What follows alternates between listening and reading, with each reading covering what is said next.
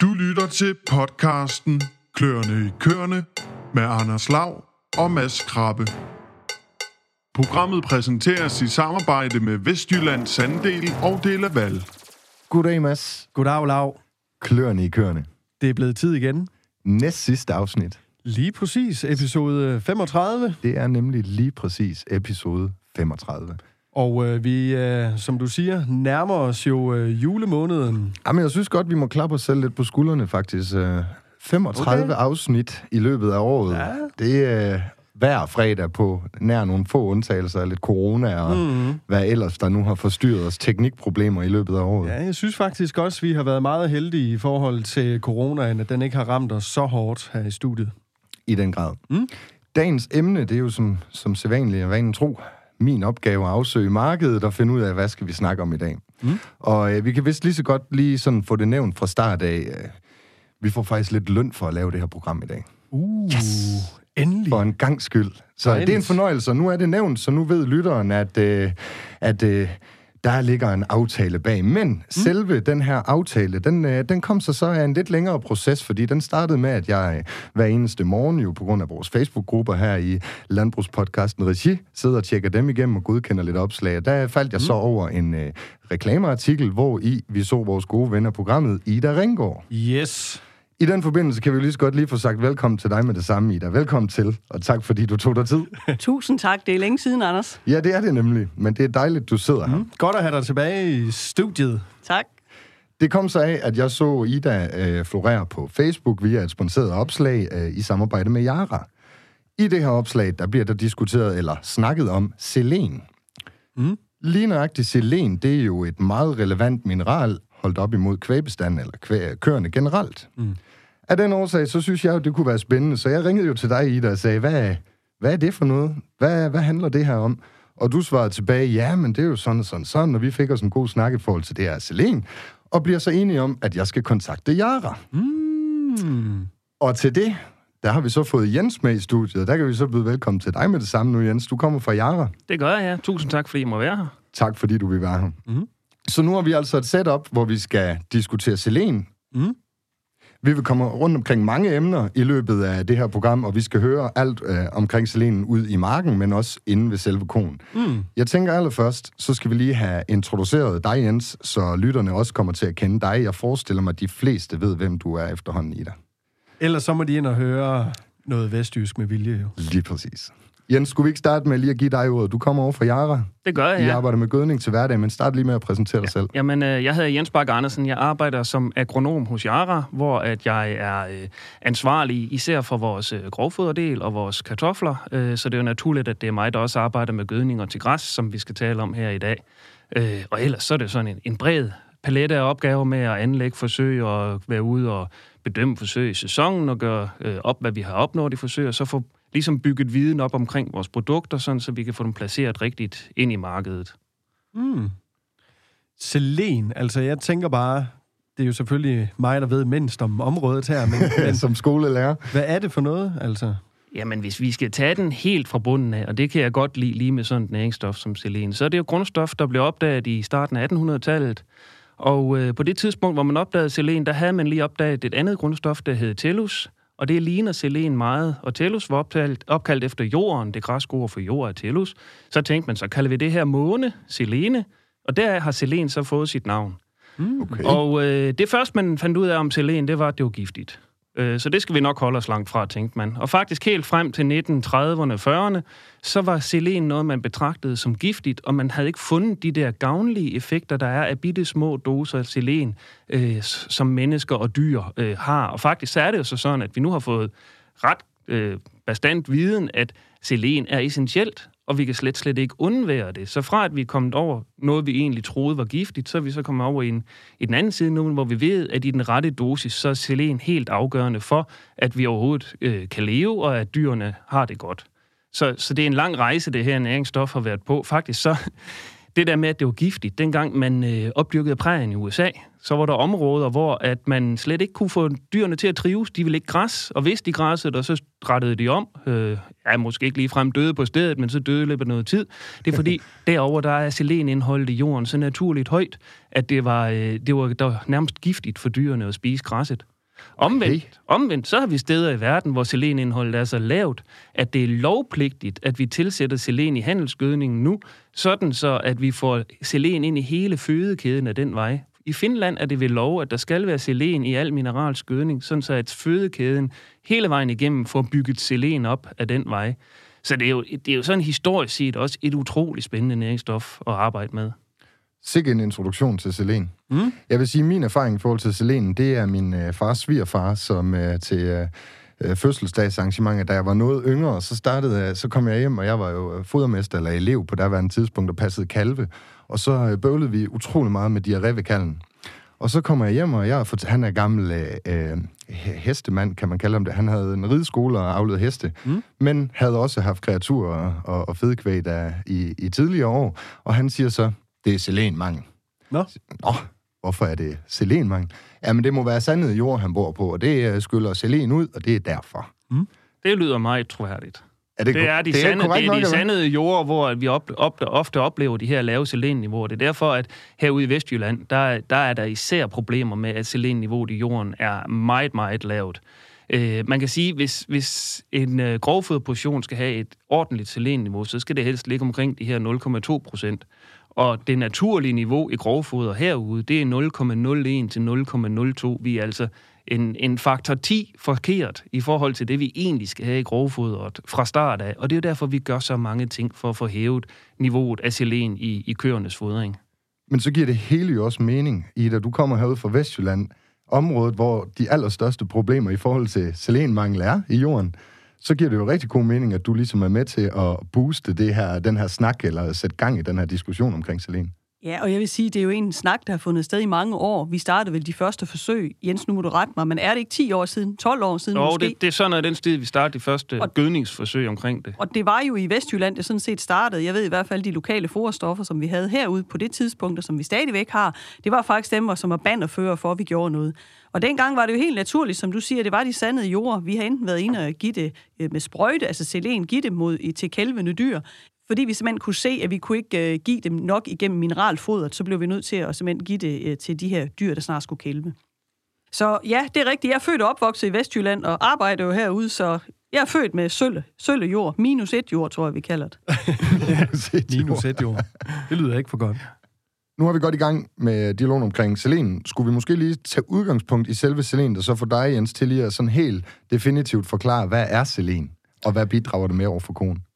Jamen altså, selen er jo et essentielt næringsstof, som netop er med til at imødegå nogle af de sundhedsproblemer, som, som vi kan have i kvægbesætningen. Det kan være svagt fødte kalve, det kan være øh, øh, dårlige fodled ved kalvene, øh, diarré, øh, tilbageholdt efterbyret, høje celletal i besætningen. Rigtig, rigtig mange ting slår ud, hvis ikke selenniveauet i foderrationen er i orden. Og jeg ved ikke, Ida, du kan nok få nogen til den liste, jeg lige kom med der. Jo, men det er jo sådan generelt, at øh, det hjælper jo ikke over, at du ser med et andet mineralstof, hvis det er sådan, det er selen, den mangler. Øh, og vi siger jo sådan normalvis, at E-vitamin er en, der til dels kan gå ind og erstatte. Altså selen og E-vitamin kan delvis erstatte hinanden lidt, så det er klart, har man ikke så store mængder selen, kan man altså give det lidt ekstra E-vitamin. Øh, men det er klart, at vi vil jo gerne have en god balance. Vi vil jo ikke overforsyne med nogen som helst ting, men vi vil absolut heller ikke underforsyne. Fordi, som vi plejer at sige, sundhed skal komme indefra. Det er ligegyldigt, om man er et lille barn, eller man er en lille kald, eller en højtydende mælkeko. Sundheden skal komme indefra, og det er det, vi som rådgiver skal sikre, at dyrene er sunde og rask. Ellers har vi ikke en effektiv produktion og sunde dyr. Og det er jo så derfor, at vi prøver at få selenet ind i grovfodret, sådan så det netop er via fodringen, at vi får selen ind i dyret, og ikke skal ud og købe nogle dyre mineraler og blande ind i fodret efterfølgende, eller måske skal sprøjte dem med en sprøjt lige frem, som du siger, men vi simpelthen får bygget det ind i det græs, som konen alligevel skal spise i form af ensilage i løbet af vinteren. Kan vi få det den vej ind, så får vi en mere effektiv optagelse i konen, fordi det er på organisk form, og vi får simpelthen en bedre selenstatus i dyret, end hvis det er, at det er tilsat som, som et pulver i fodfoderblanderen øh, når man blander fodret. Jeg sidder og tænker, at organisk form gør det bedre for konen. Ja. Kan du sætte ord på, hvorfor? Øh, årsagen, det ved jeg ikke, om du kan i det. Jeg kan tallene, at det er cirka 20% mere optageligt på organisk form. Øh, hvad det så lige er inde i koen helt teknisk, der gør, at den er bedre til at optage det organisk end uorganisk, det kan være, at det er Men alt over med andet lige, så dyrlæge, vi skal der have den noget- forklaring. Alt andet lige, der ligger der noget, der ligger noget data bagved, så det gør du der. siger, at der er en Altså, de, de 20%, dem kan vi godt sætte en streg under. Ja, lige præcis. Okay, så man kan forvente lidt have en omkring 20% bedre optagelse ved at tilsætte selen til jord, i stedet for i øh, ja. foderrationen. Til, til, til planterne, altså til, til Ja. afgrøden i Yes, sæsonen. lige præcis. Via en Men- gødning. Men ideen er jo, at det er jo planterne, der optager det. Så det vil sige, at du får det jo naturligt ind med den føde, som koen nu indtager. Så det er jo lige meget, om det er frisk græs, den afgræsser, eller om det er en silage. Så er det jo en organisk mineral, vi har, og der er jo beløseligheden og optageligheden langt, langt større. Og det sikrer jo også, at koen får det. Ofte så ser vi jo, at det måske er næsten noget, der er forsvundet, og beløseligheden er for ringe.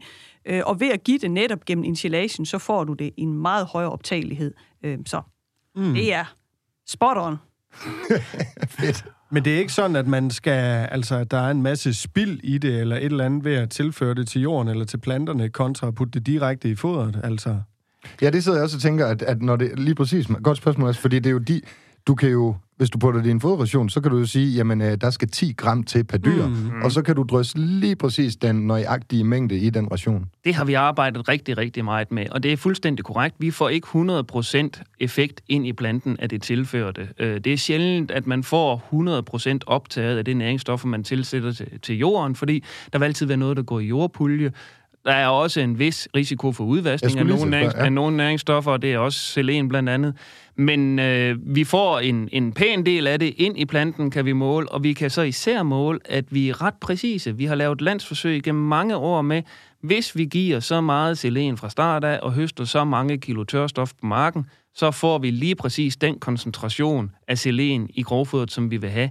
Så vi, vi kan ret præcis styre niveauet af selen i grovfoderportionen med den gødsning, vi udfører. Og hvis vi går ind på vores hjemmeside, så har vi faktisk sådan en doseringsvejledning, hvor vi kan se, okay, jeg kunne godt tænke mig, at mit græs ender på 0,2 procent. Hvad skal jeg så gøre, hvis jeg vælger at høste for eksempel 5.000 kilo tørstof i første slæt? Hvor meget gødning skal jeg så give?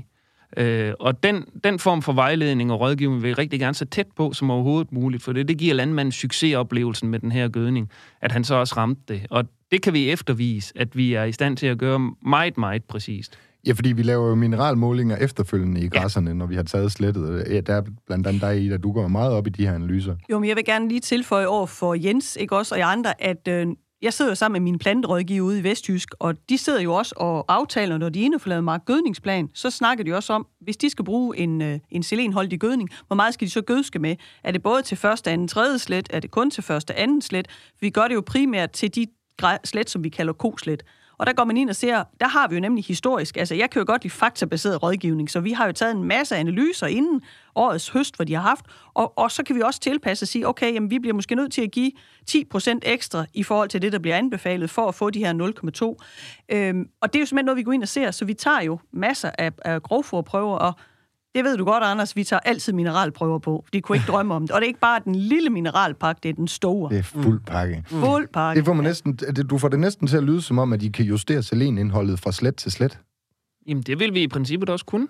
Fordi det er jo et spørgsmål om, hvor meget gødning vi er i stand til, og nu skal vi også lige have i betragtning, at landmændene har en kvælstofkvote. Et eller andet sted er der et loft. Selen, der er puttet ind i en kvælstofholdig gødning. Øh, Den, vi har på markedet nu, hedder 24-7, og er sådan lidt en forbedring af den første, vi kom med, som hed 25-5. De syv refererer jo til svovl. Vi får lidt mere svovl med ind, og svovl er tit et af de næringsstoffer, som også kan ligge en lille smule lavt, måske både i grovfodanalyserne, men også i forhold til det græsset præsterer ude i marken, altså det udbytte, vi høster. Modsat selen, så er svovl jo essentielt både for græs og for dyr. Selenet er jo kun essentielt for dyrene. Når vi putter det på marken, så er det kun for dyrenes skyld. Græsset er sådan set ligeglad. Ja, det har ikke en bedre vækst af at Nej. få.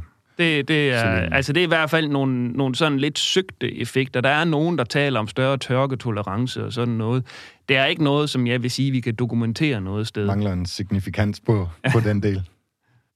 Hvis vi lige skulle prøve at kigge lidt på den øh, praktiske vinkel i dig. Hvordan bruger du det i dagligdagen, når du ja, kører rundt til bønderne og laver foderplaner?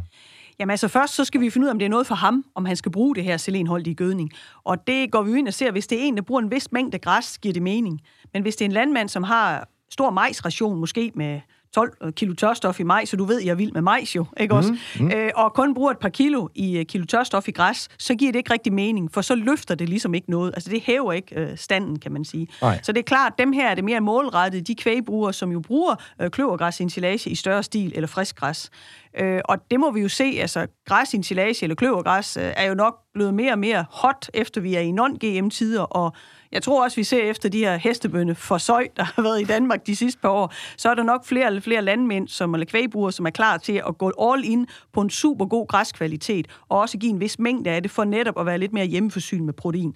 Så hvis man er oppe og giver 3 kilo tørstof plus i græs, giver det mening. Men er vi derunder, så synes jeg ikke, det giver mening at gøre. Altså får de simpelthen ikke nok indhold via græsset? Nej, fordi det vi egentlig går ind og gør, det er jo lidt, øh, som man snakker om en designergødning her, så går vi også ind og laver designer mineral, øh, eller det, der kalder gårdmineral. Jeg er jo ikke tilhænger af, at man bare giver alle kører den samme pille, for det tror jeg ikke på. Jeg tror på, at vi netop med den klimatid og bæredygtighed, vi er inde i, så skal man lige præcis give konen det, den har brug for. Mm. Og det er jo derfor, vi laver faktabaseret rådgivning. Vi sørger for at til, til, altså skræddersy en god øh, øh, gødning, som øh, planterne kan optage og kan give fuld udbytte af. Herunder kan det være med selen og holdt i gødning, at der er med. Og så laver vi jo derefter med, med de her grovforanalyser, vi har, så laver vi en design og mineralblanding og vitaminblanding, så vi ved, at konen den bare er super frisk og, kø- og præsterer. Og derved så går vi også ind og, og virkelig tager hensyn til miljøet, og det synes jeg tit, man glemmer i den her snak omkring, når man snakker mineraltilførsel og vitamintilførsel eller gødning. Vi gør det jo faktisk i, med præcision, både i mark og stald. Mm. Mm. Altså for mig der er den eneste, det er den der med uh, præcisionsmineralet. Det, det, jeg kan have svært ved at forholde mig til, at man går ind og tilfører præcis de 5 eller 10 gram selen, der nu skulle til i selve fodrationen, kontra at drysse det lidt løst og tilfældigt ud på marken, og så håbe på, at græsset den har, den har optaget det. Jamen hold mand, jeg har jo styr på den her grov, altså jeg har jo taget en, en grovforanalyse, og der kan jeg se, hvor meget Jenses gødning det virker, om det virker eller ej. Og, og der blev vi også nødt til at have respekt for at sige, at der er jo landmænd, der har gjort det her gennem mange år, og, og det er jo ikke en religion, det er jo en, en faktabaseret viden, vi har. Vi mm. kan se, at det simpelthen er det. Så det er ikke noget, vi drysser som salt eller noget Nej, andet. Vi, vi, kan også se, vi kan også se i, i de landsforsøg, vi har lavet, at det virker rigtig præcist ude i marken. Altså, Giver du så meget, så får du så meget optaget. Giver du så meget, så får du så meget optaget. Så som jeg sagde før, hvis du kender dit mål og kender dit forventede tørstofudbytte, så kan jeg også godt fortælle dig, hvor meget gødning skal du give per hektar, for at nå det selenniveau i den portion grovfoder, du så kommer til at høste. Det, der så er vigtigt bagefter, det er jo at vide, hvordan har jeg egentlig tænkt mig at fodre med grovfoder op. Er det første slet, jeg kun vil have selen i? Vil jeg have første og anden, første, anden, tredje? Har jeg plads til i gødningsplanen at få selengødning ud til alle tre slet? Og lægger jeg min ensilage ud i lavkage, sådan så at der altid vil være noget første slet med i portionen hele året igennem? Eller hvordan gør jeg? De overvejelser skal gøres, inden man ligger sin gødningsplan, sådan så at man får selenen ind i grovfodret på en måde, så det rent faktisk kan bruges hele sæsonen igennem og giver en jævn forsyning hele sæsonen igennem. Alternativt, at man ved, præcis, hvornår grovfoder går tør for selen, og så kan gå ind og sige, okay, resten af sæsonen, der er så nødt til at bruge noget mineralsk, som Ida så bækker sammen til mig og laver en gårdblanding, der passer yes. ind fra nu af. Jamen, jeg har hermed forstået, at I ikke bare drysser det ud på marken. Det er ikke ligesom, når man putter salt på æg i søndag morgen. Nej, det er lidt det er mere, det, det er lidt mere styret, kan man ja, sige. Ja, og ja. vi, vi, øh, vi er også efterhånden blevet rigtig, rigtig gode til øh, det med at sprede gødning. Altså, Landmændene bliver bedre og bedre til at bruge spredetabeller, bruge spredebakker, indstille deres gødningsspreder rigtigt, så den faktisk giver det, som vi har planlagt, den skal give, og ikke sådan er en, en tilfældighed oven i de andre usikkerheder, man måtte have. Øh, vi skal helst være nogenlunde sikre på, at hvis jeg har planlagt at give 300 kilo gødning, jamen så giver jeg 300 kilo gødning jævnt ud over det hele. Og det bliver vi bedre og bedre og bedre til. Mm. Som du også sagde, inden vi gik i gang, præcisionslandbrug er vejen frem. Jamen, jeg tænker, det bliver vi jo nødt til. Altså, det er kommet for at blive det her bæredygtighed og klima. Det forsvinder ikke igen. Og jeg tænker også, at øh, det er altså også noget, der koster noget. Øh, så det er jo også en økonomisk overve- eller overvejelse, vi sidder og gør. Øh, og flere gange, så får jeg jo det spørgsmål, altså, er jeg købt af Jara til at sige selenholdt i gødning, eller Jarabela? Og nej, det er jeg ikke, fordi I, du kender mig også, Anders, jeg kan ikke købes. Men det, jeg kan se, det er, når jeg laver en foderplan. Nej, det kan jeg ikke. når jeg laver en foderplan, så kan jeg gå ind og se, hvad hvis nu jeg har det? Jeg kan jo typisk se, jeg kan fuldt se, hvad koster det i omkostninger per ko per dag, eller per kilo mælk, når jeg er sådan, jeg kan jo godt lide at køre med første slet hele året rundt, fordi så ved jeg ligesom, at jeg har en god basis. Og det er jo noget med silo-logistik, og en gang imellem kan det lade sig gøre. Du får det til at lyde lidt nemt, Jens, det er det altså ikke altid. Og du siger, du kan lige sige, hvor mange tons tørstof det giver. Der kan man også tage fejl, ikke også? Og det er jo lidt ligesom med gødning. Det bliver jo ligesom tyndere og tyndere saft og vand. Altså jo større udbytte man har, jo mindre er der jo også per kilo tørstof. Mm. Men lad os Det sige, at vi kører for eksempel med, med det her selenberige gødning til første og anden slet, og så slipper op, så kan jeg jo godt se, at når jeg skal have lavet min gårdmineral, eller min designede mineralblanding, så bliver den bare en spids dyre. Mm. Og mit argument er jo, at jeg kan se, at når jeg regner det her ud, så er det altså billigere at få planterne til at lave det her organiske selen, end købe det i en pose og en sæk. Fordi der ved jeg selv, jeg kan selv dosere. Jeg kan, jo, jeg kan jo se, hvad min gødning koster, og jeg kan regne ud, når jeg ellers bruger den rigtige spredetabel, eller omregningstabel, som Jens han siger, så kan jeg jo regne ud, hvor meget jeg får, og det passer. Det, mm. det har vi set masser af forsøg på. Men når jeg køber noget i en pose, så ved jeg sgu ikke altid, hvad det er. Og jeg ved heller ikke, du er også samtidig blevet snydt, tror jeg. Du har købt et eller andet i en sæk, Anders.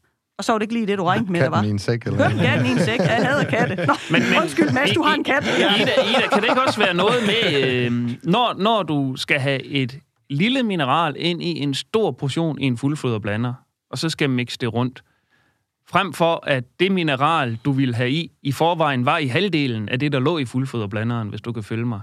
Oh, Om men nu, selve nu, opblandingen, den bliver lige så god. Ligesom nu du fortæller, at øh, når man er blevet bedre til at bruge spredetabel og indstille den her gødningsspreder rigtigt, Jens, for at blive helt vestjysk, så tror jeg altså også, at vores landmænd, kvægbrugere, de er så systematiske og gode, de har kavconnect, de kan fuldstændig styre det her. Det kan de godt. Men det er klart, at selen skal jo opblandes i noget. Det er jo ikke en, en teske, man står og drysser med hen over i fuldforblander. Det er jo opblandet i den anden mineral, mm. eller måske Ja. ja. kridt eller salt, eller hvor man ja. nu har det. Ikke? Ja, ja, måske så det en indgår hurtigt i fuldmix. 25, 50, 75 Ja, ja. kilo, inden Ja. det... Ja. Ja. Ja. Men jeg kan godt se din tanke, Jens. Jeg Ja, kan jamen, godt da- følge jeg dig så i det der med variationen af en helt kæmpe græsstak. Jeg, jeg så på et lille. tidspunkt bare sammenhængen mellem, øh, det var så for calcium, men det kunne jo faktisk være ligegyldigt, hvad mineral det er. Altså ud af den ene akse, hvad jeg troede, jeg puttede i, og op af y-aksen, hvad jeg rent faktisk puttede i. Øh, og det, det fulgte ikke sådan lige linjen hele den vejen slags igennem. plantavler kan jeg også finde. Ja. Det er som om plantavler, de er altid lidt klogere, ikke? Og det er de bare ikke. Kvægfolk, de er ikke Nej, dumme. vi, vi, vi kalder en uafgjort. Det må være en overflade. Jeg sidder og tænker, om vi kan få nogle konkrete, øh, praktiske eksempler på. Altså, nu startede jeg indlede med, at øh, min, øh, min fars svigerfar, han øh, havde en... Øh, eller jeg kommer og fortæller om diarréen, og han siger, det er selenmangel. I bor på sandede jord. Har I nogle eksempler ude fra... fra Jamen, altså, jeg vil sige, man får ikke diarré af selenmangel. Det er nok, fordi man har haft en dårlig immunitet, og der har man fået diarré. så fik vi også den på plads. Det, jeg tænker, det er, at nu, som vi snakkede om i starten, der er jo en 10-12 år siden, tror jeg, vi, vi kørte med de første forsøg øh, gennem Vestjyllands andel, som jo ligesom var lidt bannerfører for det dengang. Øh, og der har vi jo haft øh, familien Ørskov, som har brugt det gennem rigtig mange år. Øh, du så selv øh, den lille video med Jakob Ørskov. Yes. Øh, og hans far og farbror har jo været tro mod det gennem rigtig mange år, og egentlig kan se, at de får noget ud af det. Og de er både dygtige i stallen, men særdeles også dygtige i marken.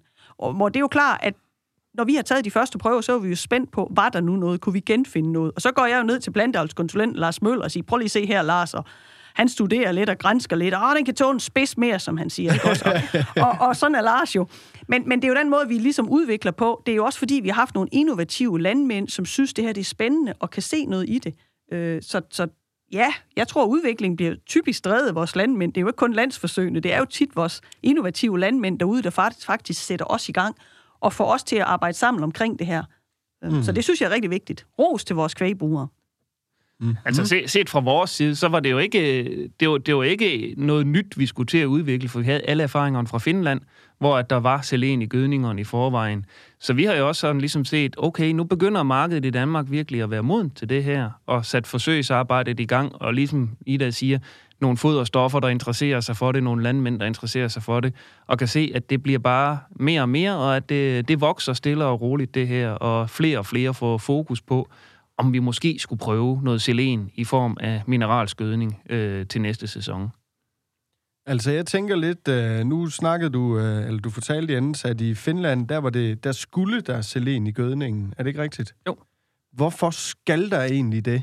Jamen det er fordi, de har så lavt niveau i jorden, at de øh, har set selenmangel i befolkningen. Det er ikke i forhold til dyr, det er mennesker, de simpelthen siger, vi ser selenmangel i befolkningen. Og du kan ikke tvinge folk til at spise vitaminpiller. Mm. Øh, men du kan sørge for, at de fødevarer, der er nede i brusen, de indeholder et vist niveau af selen, mm. hvis de er dyrket med noget gødning, der har indeholdt selen. Og det er den måde, man har forsøgt at løse problemet på i, i Finland. Øh, man kan så sige, at det er måske en tankegang, der gav mere mening, øh, dengang markederne var mere hjemmeforsynende for mm. mange år siden. Ja. Altså nu er der jo meget fødevare, import og eksport osv. Og, og der, der er det så... Ja, det er svært det er lidt sværere at kontrollere ja. det på, af den vej. Men, men stadigvæk, så synes jeg, jeg kan godt lide tankegangen om, at det her, det vil vi højne hele befolkningssundheden igennem ved at sætte det øh, selen til, til mineralskødning. Mm. Det er vel lidt ligesom i Danmark, har man besluttet, at der skal jod i salt. Præcis. Ja. Det, må det er fordi, man kunne det se er manglen. Præ- præcis samme logik. Mm. Ja. Okay. Jamen altså, hvor bliver vi meget klogere her? Det skal jeg love for. Jamen altså, programmet det er jo øh, så småt ved at nå sin ende. Mm-hmm. For lytterens skyld, Jens, kan du så ikke lige rise op, hvad vi egentlig... Altså, vi har både været lidt i øst og vest i dag omkring den her selen-diskussion. Kan du ikke lige lave en opridsning? Om, altså, det vi jo har talt om, det er, hvad får du af fordele ved at have selen i mineralsk handelsgødning? Og yes. øh, de fordele, du får der, det er, at du får bygget selen ind i græsset, der er i stand til at tilbyde det til køerne på organisk form. Det giver især mening herude i, i bananen i Vestjylland, hvor at vi har lavt naturligt selenindhold i jorden, og har en ret stor andel af græs i fodring, så vi er i stand til virkelig at få øget indholdet i græsset og få noget selen ind i fodringen af den vej. Øhm, og så øh, får vi derudover en, en sikkerhed, fordi vi ved, at vi kan dosere det præcist i marken. Vi er altså i stand til at styre det, som jeg talte om. Vi kan, vi kan tilbyde noget ret præcist til konen af den her vej. Øh, så, så det, vi giver ind til foderbordet, det kan vi i hvert fald stå inden for, at det er en selenberiget grovfoder, som så er klar til, til at blive benyttet. Det vi også måske skal tilføje her, det er jo, at øh, man skal give græsset en vis mængde, som du også siger, Jens. Altså giver man under 2-3 øh, kilo tørstof per ko per dag, så giver det ikke rigtig mening. Men herude vestpå har vi også tradition for at give store mængder græs, måske 5-6 kilo tørstof, netop for at være mere selvforsynet med protein. Og det giver det rigtig, rigtig fin mening at gøre, netop fordi den økonomiske afvejning er, at øh, det er billigere at tilføre mineralsk til planten og, og få det optaget organisk til konen. Mm. Boom. Men jeg tænker, nu snakker vi jo rigtig meget om græs, altså, mm. og du er jo en majspige, Ida. Ja, det hørte vi jo. Hvorfor tilsæt, altså, kan man ikke tilsætte det til majsen i stedet for, eller hvad? Ja, det tænker Jamen, jeg også. Øh, der er nogle komplikationer i det. Vi giver meget, meget lidt mineralsk gødning til majs, så vi vil ikke være i stand til at tilbyde majsen ret meget. Vi vil ikke være i stand til at tilbyde noget særlig forøgelse af indholdet i majsen så kan man så sige, hvad, så, hvad, hvad gør vi så ved majs i stedet for? Og der har vi jo så vores startgødningskoncepter, som vi bruger i Yara. Og øh, vi, har, øh, vi har udviklet på vores startgødninger gennem årene, og der hvor vi står nu, det er, at vi kan faktisk også i landsforsøgen dokumentere, at de gødninger, vi har på markedet, de giver øh, ikke blot øh, højest eller næsten højest udbytte, de giver også øh, højere optag af sådan næringsstof som bor, fordi vi tilbyder bor i form af startgødning til majsen. Øh, vi har den stærkeste forsurende effekt i vores start startgødninger, og det er vigtigt med en forsurende effekt i en startgødning til majs, fordi det frigiver noget fosfor omkring rødderne, og det frigiver noget mangan omkring rødderne. Så på den måde så tilbyder vi altså i form af de her Jaramila majsgødninger øh, noget af det bedste, som du kan starte din majs op med. Og det jeg tænker, den der opstart af majs, den er rigtig vigtig. Nu kan vi jo se, at alle vores majsanalyser, de tigger ind, og dem, der er lødt sent sået, eller ikke har fået en god start med god startgødning, det er godt nok sølle majs. Ja. Ikke kun i Vestjylland. Og der skal vi tænke på det her med startgødning. Altså, indtil for en to-tre år siden, der kunne vi jo bare sige, jamen jo mere fosfor du giver i startgødning, jo bedre. Men så har vi fået fosforloft ude på mm. alle ejendommene. Og det vil sige, nu skal du ikke bare give meget fosfor, for det får du ikke lov til. Du er nødt til at give klog fosfor. Ja. Og med klog fosfor, der mener jeg, at du skal give så meget ammoniumkvælstof per kilo fosfor, som du overhovedet kan komme afsted med. Fordi ammoniumkvælstof, det er det, der forsurer jorden og frigiver den fosfor, du nogle gange tilfører, plus fosfor fra jordpuljen, og frigiver mangan. Så kombinationen af en høj ammoniumandel i din gødning, og så dit fosfor, det er det, som sikrer, at vi har de her gode gødninger på markedet. Det er det, vi kan med den, der hedder Jarmila 26.6. Giv rigtig, rigtig meget ammonium per kilo fosfor. Det der, mm. det der, det er nørderi. altså, nu er vi virkelig ude i... Uh, der er vi Fedt. ude i det sidste led af nørderiet. Fedt. Ida, nu nævnte du lige øh, analyserne fra Meisen var begyndt at tække ind. Det gjorde mig lige nysgerrig. Jeg synes altså lige, vi skal udnytte, at du sidder i vores øh, lille studie her i dag. Kunne du ikke sætte et par ord på, sådan, hvad, hvad, hvad er trenden? Hvad tegner og analyser et billede af? Jamen, kan du ikke se det på mit grå hår? det er simpelthen, jamen det er jo... Altså, vi har nogle fantastiske analyser, som ligger nede på en kilo tørstof til en, en øh, Norfolk-forenhed, og så har vi nogle, der ligger op på tæt på 1,30.